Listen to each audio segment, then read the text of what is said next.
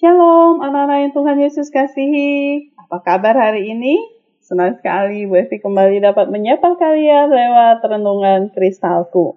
Semua sudah siap mau belajar firman Tuhan pada saat ini? Oke, semua duduk yang baik. Kita bersama-sama berdoa, mohon Tuhan Yesus menyertai dan memimpin kita. Mari kita berdoa. Tuhan Yesus, terima kasih saat ini kami bersama-sama datang kepada Tuhan kami sudah siap untuk belajar firman-Mu. Tuhan Yesus pimpin sertai anak-anak yang Tuhan bisa lihat satu persatu sedang menghadap kepada perangkatnya masing-masing. Tuhan tolong supaya hatinya terarah kepada Tuhan, pikirannya konsentrasi, mendengarkan firman-Mu dengan baik ya Tuhan. Dan Tuhan yang kuasai hati dan pikiran mereka untuk sungguh-sungguh mencari Tuhan. Kami serahkan waktu ini ke dalam tanganmu, demi nama Tuhan Yesus kami sudah berdoa. Amin. Firman Tuhan pagi hari ini kita akan baca dari kejadian pasal yang kedua, ayatnya yang ke-18, kemudian ayatnya yang ke-21 sampai 24. Demikian firman Tuhan. Tuhan Allah berfirman, "Tidak baik kalau manusia itu seorang diri saja." Aku akan menjadikan penolong baginya yang sepadan dengan dia. Kemudian ayat 21 sampai 24. Lalu Tuhan Allah membuat manusia itu tidur nyenyak.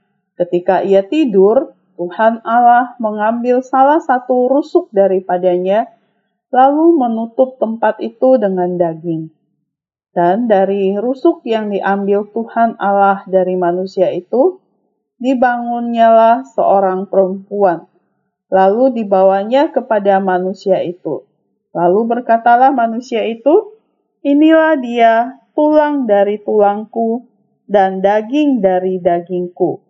Ia akan dinamai perempuan, sebab ia diambil dari laki-laki. Sebab itu, seorang laki-laki akan meninggalkan ayahnya dan ibunya dan bersatu dengan istrinya, sehingga keduanya menjadi satu daging. Anak-anak yang Tuhan Yesus kasihi, sebelum hari itu berakhir, Adam tiba-tiba menjadi ngantuk. Mungkinkah ia lelah memikirkan nama yang beda-beda untuk semua hewan? Tidak. Allah yang membuat dia tidur Bahkan Allah menciptakan Adam, dia bisa tidur dengan baik, sehingga bahkan tidak merasa waktu Allah mengambil salah satu tulang rusuknya dan menutup tempat itu kembali dengan baik. Lalu Allah membentuk seorang wanita dari tulang rusuk dan membawanya kepada Adam. Ketika ia terbangun dari tidurnya, ia tidak bisa percaya. Akhirnya, ada seseorang yang seperti saya. Mungkin seperti itu ya, Adam berseru. Sekarang Adam memiliki pendamping. Dia memiliki orang yang sangat istimewa, yang mana dia bisa berbicara dengannya dan bisa menemaninya sepanjang hari. Adam tidak lagi kesepian. Anak-anak yang Tuhan Yesus kasihi, apakah Tuhan tahu Kapan saya dan kamu kesepian? Jika kamu pernah mengalami kesepian, kamu akan tahu apa yang Adam rasakan. Sehingga Allah menciptakan Hawa untuk menjadi teman dan istri buat Adam. Awal tahun baru sering membawa perubahan kamu mungkin saja pindah ke kota yang lain, atau kita memulai di sekolah yang baru, atau ada juga anak yang pindah ke kelas tanpa teman-teman yang dikenal sebelumnya. Hal ini sering kali membuat seseorang merasa kesepian, menjadi takut dan tidak yakin apa yang dia harapkan. Nah, ingatlah bahwa Tuhan akan selalu ada untuk kamu untuk saya. Dia tidak pernah meninggalkan kita. Meskipun kita tidak bisa melihat Allah, kita dapat berbicara dengannya seperti yang Adam lakukan. Kita bisa berbicara kepada Tuhan lewat doa kita. Jika kamu lama untuk memiliki seorang teman, minta Tuhan untuk membantu kamu, bisa bertemu seseorang yang akan menikmati hari-hari yang sama dengan kamu, lakukan kegiatan bersama-sama, bisa senang, e, bersuka cita bersama. Nah, Tuhan tahu dan Tuhan mengerti ketika kamu kesepian, kamu membutuhkan teman, dan kamu menjadi teman juga untuk orang lain.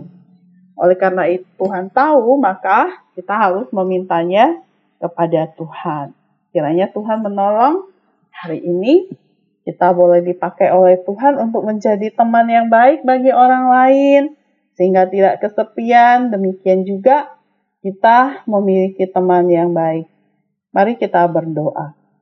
Terima kasih Tuhan Yesus, kami sungguh bersyukur karena Engkau menciptakan manusia bukan hanya satu saja di dalam dunia ini, tetapi ada banyak sehingga kami bisa berkomunikasi, kami bisa main bersama, bekerja bersama, uh, itu sesuatu yang menyenangkan.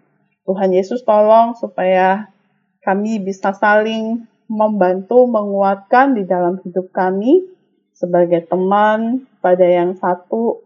Kami sama-sama boleh senangkan Tuhan dalam semua yang kami kerjakan. Tuhan berkati Papa Mama, Bapak Ibu Guru, Tuhan sertai anak-anak persiapan mereka untuk belajar, untuk uh, persiapan PAS, dan semua tugas-tugas yang perlu diselesaikan Tuhan Yesus menolong, menyertai. Terima kasih Bapa di surga. Demi nama Tuhan Yesus kami sudah berdoa. Amin. Ayat mas kita hari ini dari kejadian 2 ayatnya yang ke-18. Tuhan Allah berfirman, tidak baik kalau manusia itu seorang diri saja.